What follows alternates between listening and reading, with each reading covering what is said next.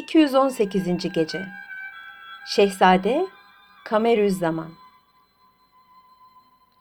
Vaktiyle Şehriman adında birçok ülkelere hükmeden büyük bir padişah vardı. Yaşı oldukça ilerlemiş olan bu hükümdarın tek derdi bir evlat sahibi olmayışıydı. Hep ben öldükten sonra tahtıma kim sahip olacak diye düşünüyor, bunca senedir bir oğlu olmadığı için çok üzülüyordu. Bir gün bu derdini vezirine açtı kendisine bu hususta bir akıl vermesini istedi. Akıllı bir adam olan vezir, hükümdarım dedi. Bu akşam Ulu Tanrı'ya dua edin. Belki size bir evlat ihsan eder. Hükümdar Şehriman vezirin dediğini yaptı. Duası kabul olundu. Dokuz ay, dokuz gün sonra nur topu gibi bir oğlu dünyaya geldi. Buna çok sevinen hükümdar çocuğuna Kamerüzzaman adını verdi. İyi dadılar ve bilgili hocalar elinde büyüyen şehzade 15 yaşına vardı. Bir gün hükümdar vezirine danıştı. Ölmeden evvel oğlumun mürvetini görmek istiyorum. Ne dersin? Vezir hükümdarın isteğine uygun buldu. Çok iyi yaparsınız. Çünkü evlilik insanın ahlakını düzeltir dedi. Bunun üzerine hükümdar Şehriman oğlunu çağırdı. Yavrum dedi, seni evlendirmek istiyorum ne dersin? Şehzade bir zaman için başını önüne eğerek durdu. Sonra babasına, babacığım ben evlenmek istemiyorum. Kadınları sevmiyorum. Onların fettanlıkları, kurnazlıkları hakkında birçok şeyler okudum. Cevabını verdi. Oğlunun bu karşılığına hükümdarın canı sıkıldı. Fakat onu çok sevdiği için hiçbir şey söylemedi. Sabah oluyordu. Şehrazat burada masalına ara verdi. Ertesi akşam da bıraktığı yerden tekrar anlatmaya başladı. 219. Gece Hükümdar bir sene kadar bekledi. Bir gün yine oğlunu yanına çağırtarak evlenme lafını açtı. Şehzade Kamerüzzaman daha kesin bir dille babacığım fazla zorlamayınız. Ben öleceğimi bilsem bile evlenmem dedi. Hükümdar Şehriman oğlunun üzerine fazla düşmedi. Akşam meclis dağılınca vezirini çağırtıp oğlunun verdiği cevabı tekrarladı. Bu hususta ne düşündüğünü sordu. Vezir biraz düşündükten sonra hükümdarımız dedi. Ona bir sene kadar mühlet veriniz. O zamana kadar olgunlaşır elbet. Kadınsız hayatın ne kadar manasız olduğunu anlar. Tan yeri ağarmaya başlamıştı. Şehrazat burada masalını ara verdi. Ertesi akşam da bıraktığı yerden şöylece tekrar anlatmaya başladı. 220. Gece Aradan bir yıl geçmişti. Hükümdar Şehriman yine oğluna evlenme meselesini açtı. Şehzade ısrarla kadınlardan nefret ettiğini söyledi ve bu bahsi açmamasını rica etti. Bir zaman sonra hükümdar vezirinin öğüdüne uyarak oğlunu bütün devlet adamlarının bulunduğu bir mecliste yanına çağırdı. Adeta resmi bir dille ve ısrarla. Oğlum dedi, artık olgun bir gençsin.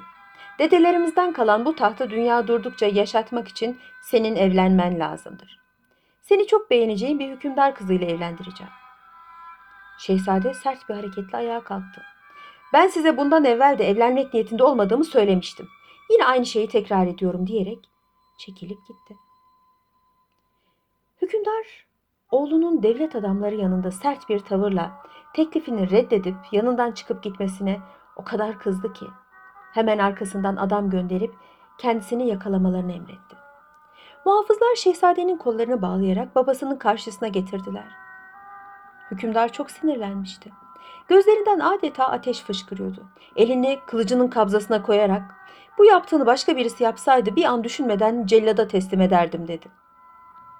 Sonra muhafızlarına şehzadenin kollarındaki bağları çözmelerini ve onu alıp kalenin burçlarından birinde hapsetmelerini emretti. Muhafızlar şehzadeyi alıp kalenin karanlık ve kasvetli bir burcuna götürdüler. Orada ona bir döşek serdiler. Yanına da birkaç lüzumlu eşya ile bir kandil bırakıp ayrıldılar. Yalnız içlerinden birisi nöbetçi olarak kaldı. Sabah oluyordu. Şehrazat burada masalını ara verdi. Ertesi akşam da şöylece anlatmaya başladı.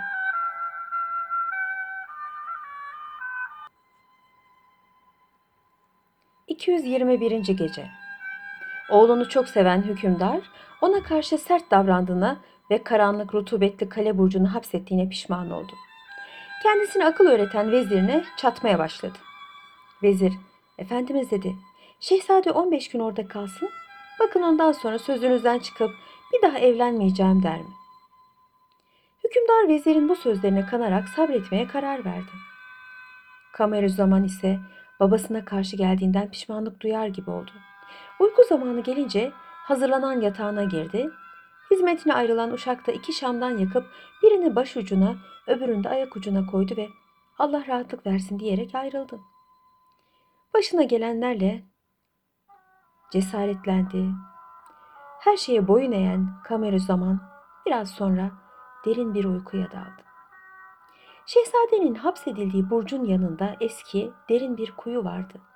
Burada Meymune adında bir cin padişahının kızı oturuyordu.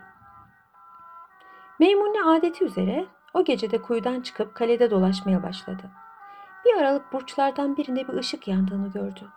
Çoktan beri insan ayağı basmayan bu kaleye kimin taşındığını çok merak ederek oraya gitti. Burcun bir köşesinde aslan gibi bir delikanlının yattığını gördü. Çok yakışıklı ve güzel olan bu gence bir zaman hayran hayran baktıktan sonra uçup gitti. Sabah olmuştu. Şehrazat masalını yine yarıda bırakmak zorunda kaldı. Ertesi akşamda şöylece yeniden anlatmaya koyuldu. 222. Gece Cin padişahının kızı havada dolaşırken birdenbire kulağına bir kanat çırpması geldi. Sesin geldiği tarafa doğru uçtu. Çok geçmeden Dehneş adında bir cinle karşılaştı. Hemen onun yolunu keserek nereden geldiğini sordu. Dehneş karşısında Prenses Meymune'yi görünce saygıyla eğildi. Sonra da Sayın Prenses dedi. Ben şimdi Çin adalarından geliyorum. Bu gece orada görülmedik bir şey gördüm. Onun şaşkınlığıyla de sizi fark edemedim özür dilerim. Müsaade ederseniz yoluma gideyim. Meymune gördüğü şeyin ne olduğunu anlatmadan müsaade edemeyeceğini söyledi. Bunun üzerine Dehneş anlatmaya başladı. Bu gece Çin adalarının birçoklarına hakim olan ve yedi sarayın sahibi diye anılan hükümdar Gayyur'un kızını gördü. Muhakkak Ulu Tanrı onun gibi güzel bir kız yaratmamıştır. Onun güzelliğini tarif etmekten acizim. Babasının biricik sevgili kızı olan bu Dilber'in adı Büyüdur Hatun'dur. Hükümdar Gayyur onun için yedi saray yaptırmıştır.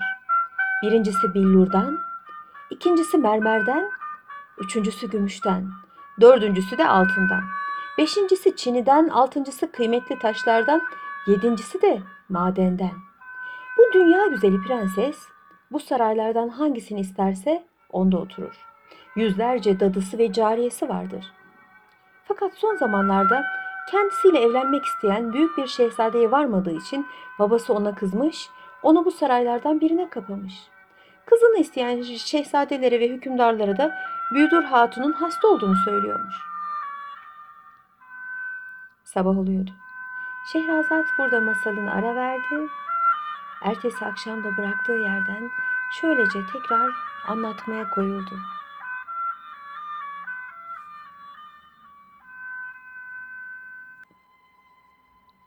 ...223. Gece Meymune, Dehneş'in anlattığı bu hikayeyi dinledikten sonra gülümseyerek dudak büktü. Senin hayran olduğun kız benim bu gece gördüğüm şehzadenin eline su dökemez. Onun güzelliği, inceliği hiç kimsede yoktu. Çin prensesi onun tırnağı olamaz dedi. Dehneş kızdı. İmkanı yok. Dünyada Büdur Hatun gibi güzel asla bulunamaz. Buna inanmıyorsanız geliniz sizi oraya götüreyim. Gözlerinizle görünüz. Sonra da sizin hayran olduğunuz şehzadeyi görmeye gideriz. Bakalım hangimizinki daha güzel. Meymune bu teklifi kabul etti. Dehneş'le bahse tutuştu. Sonra hatırına bir şey gelmiş gibi Dehneş dedi. İstersen önce benim şehzadeyi görelim. Çünkü o daha yakın bir yerde.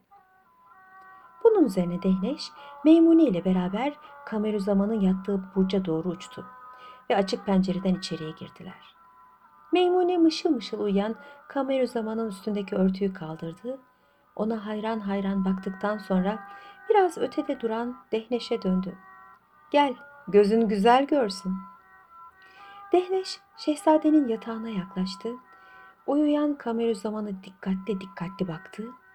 O da delikanlının güzelliğine hayran olmaktan kendini alamadı. O sırada yanına sokulan ve fikrini öğrenmek için sabırsızlanan Meymune'ye hakkınız var diye fısıldadı. Çok güzel bir delikanlı. Fakat erkek güzelliği başka, kadın güzelliği başkadır.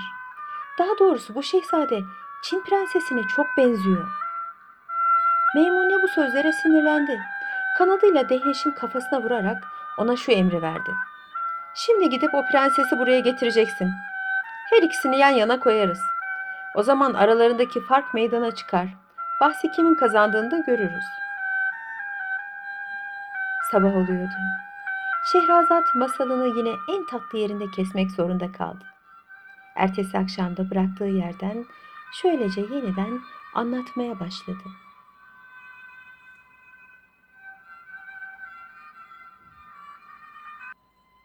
...224. Gece Dehneş, Meymune'nin emrini yerine getirmek üzere kaleden ayrıldı.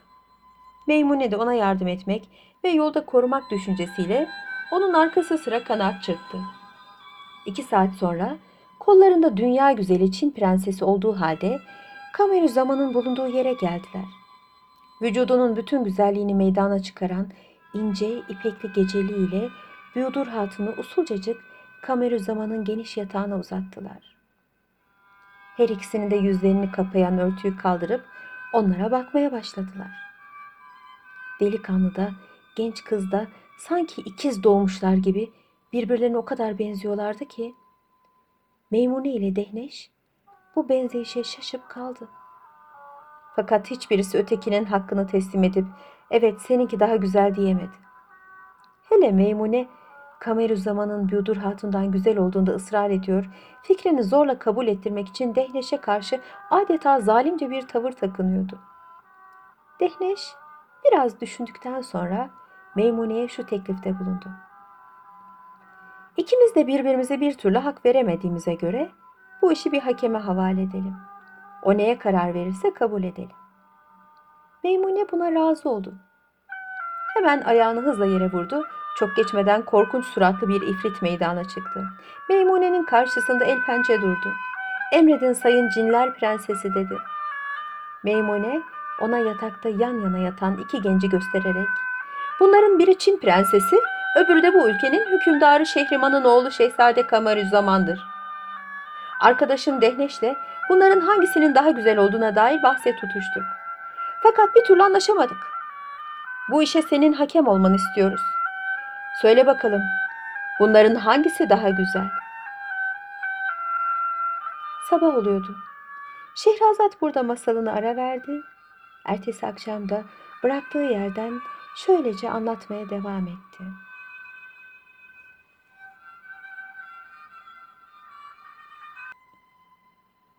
...225. Gece İfrit bunu işitince iki gencin yattığı yatağa yaklaştı. Her ikisine dikkatli dikkatli baktı. Sonra doğrusu birbirlerine çok benziyorlar dedi. İnsan birisini ötekinden ayırt edemiyor. Aralarında yalnız cinsiyet farkı var. Bence bunları uyandırmalı. Hangisi ötekini beğenir, gönül kaptırırsa onu beğenen kaybeder. Meymune bu fikri beğendi. Dehneş de razı oldu. Ve hemen bir pire şekline girerek Kamerü zamanı ensesinden acıtacak gibi ısırdı. Şehzade gözlerini açtı. Yanında mis gibi kokan birisinin bulunduğunu hissedince o tarafa döndü. Yanında yatanın son derece güzel bir genç kız olduğunu gördü değerine paha biçilmez elmaslarla süslenmiş, bu Dilber'e hayran hayran baktı. Sonra onu çıplak omzundan tutup hafifçe sarstı. Uyanmadığını görünce eğilip öpmek istedi. Fakat sonra birdenbire geriledi. Kendi kendine, herhalde bu kız babamın bana almak istediği gelindir. Beni yoklamak için yanıma getirmişler. Yarın babam bana evlenme lafını açınca uygun cevap verir, bu güzele sahip olurum. Şimdi saygısızlık edip de ona dokunmayayım. Belki de odanın bir tarafında gizlenmiş beni gözetliyorlardır dedi. Ve her ihtimale karşı kızın parmağında bulunan kıymetli bir yüzüğü alıp kendi parmağına geçirdi. Sonra ona sırtını çevirip tekrar uykusuna daldı. Meymune Kamerüzaman'ın yaptığına sevindi. Bahse tutuştuğu Dehneş'e dönerek ''Gördün mü? Benimki ne kadar ağırbaşlı, terbiyeli bir delikanlı.'' dedi. Dehneş hiç sesini çıkarmadı. Kamerüzaman'ın adam akıllı uykuya dalmasını bekledi. Sonra yine bir pire şekline girip Çin prensesi Büyudur Hatun'u ısırdı. Sabah oluyordu. Şehrazat burada masalını ara verdi. Ertesi akşam da bıraktığı yerden tekrar şöylece anlatmaya koyuldu.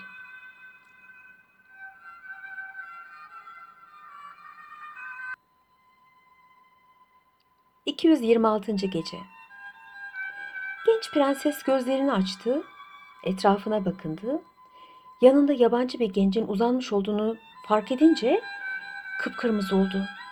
İrkilerek geri çekildi. Fakat çok geçmeden merakla eğilip delikanlının yüzüne baktı. Bu boylu postlu yakışıklı şehzadeye aşık oldu. Kendi kendine, herhalde bu güzel genç beni babamdan isteyen şehzadedir. Keşke babama red cevabı vermeseydim dedi. Fakat yarın babam açmasa bile bir vesileyle evlenme bahsini ben açacağım. Genç kız kameru zamanı omuzlarından tutarak yüzüne hayran hayran baktı. Sonra onu alnından öperek işveli bir tavırla "Sevgilim, uyan. Bak, ben yanındayım. Gözlerini aç da o güzel gözlerini doya doya seyredeyim. Uyan hayatım. Sana her şeyimi vereceğim. Feda etmeye hazırım her şeyimi. Beni aşk ateşi içinde bırakma diye seslendi. Çin prensesi şehzadenin cevap vermeyişine fena halde üzüldü. Kamerüzaman'ın elini avuçları içine aldı. Parmağında kendi yüzüğünü görünce gözleri sevinçle parladı. O da hatıra olarak onun yüzüğünü alıp kendi parmağına taktı. Bir zaman uyanır diye bekledi. Fakat ümidi boşa çıktı. Gözleri kapanıncaya kadar gözlerini delikanlının gözlerinden ayırmadı. Çin prensesinin bu hali Meymune'yi pek sevindirmişti. Dehneşe dönerek, bahsi ben kazandım. Seninki delikanlıya nasıl abayı yaktı gördün mü? dedi. Sonra da gülümseyerek, bununla beraber seni affediyorum. Hadi İfrit'le beraber sabah olmadan şu kızcağızı alıp Çin ülkesine götürün. Bu gece bize iyi bir eğlence çıktı dedi. Bunun üzerine Dehneş, İfrit'in yardımıyla usulcacık Büyüdur Hatun'u kolları arasına aldı. Çin ülkesine doğru rüzgar gibi uçtular. Tan yeri ağrıyordu. Güzel Şehrazat tatlı bir gülümseme ile hükümdar kocasına pencereden dışarısını işaret etti. Böylece masal yine en tatlı yerinde kesilmiş oldu. Ertesi akşam da hikayeye şöyle devam edildi.